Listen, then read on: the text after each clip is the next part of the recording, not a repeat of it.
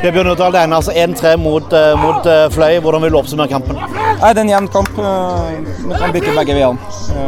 Lønner ikke seg å ha Urdal på lag når du er på øya og spiller jevne kamper. dere står nå med 2-11 i målforskjell på de siste to kampene og er i fritt fall i, i divisjonen. Hvordan forklarer du den nedturen dere har hatt nå? Fritt fall, egentlig. Fritt fall, egentlig. I dag så er vi en jevn kamp. Det er ekkelt å komme til øya. Jeg tipper vi presterer bedre her i dag enn vi gjorde i fjor. Uh, forrige gang så tapte vi 8-1, det sier seg sjøl. Det var en svak prestasjon. Uh, sånn at nei, vi skal komme sterkere tilbake. Ja, Hva må dere jobbe på nå imot mot uh, hjemmekampen mot Notodden neste helg?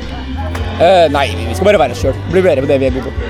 Så det, det er sånn det er. det òg skader og sånn som har gjort at dere ikke har fått det helt til de siste to? Klart at vi, det er åtte stykker som er skada, eller det er røde kort. Så,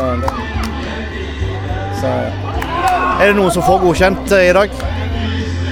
Ja, det er mange som får godkjent, men det er ikke mange som er veldig veldig gode. Men eh, nei, vi gjør en OK minuskamp. Eh, og på Øya så kan det ni poeng. Det gjorde ikke i dag.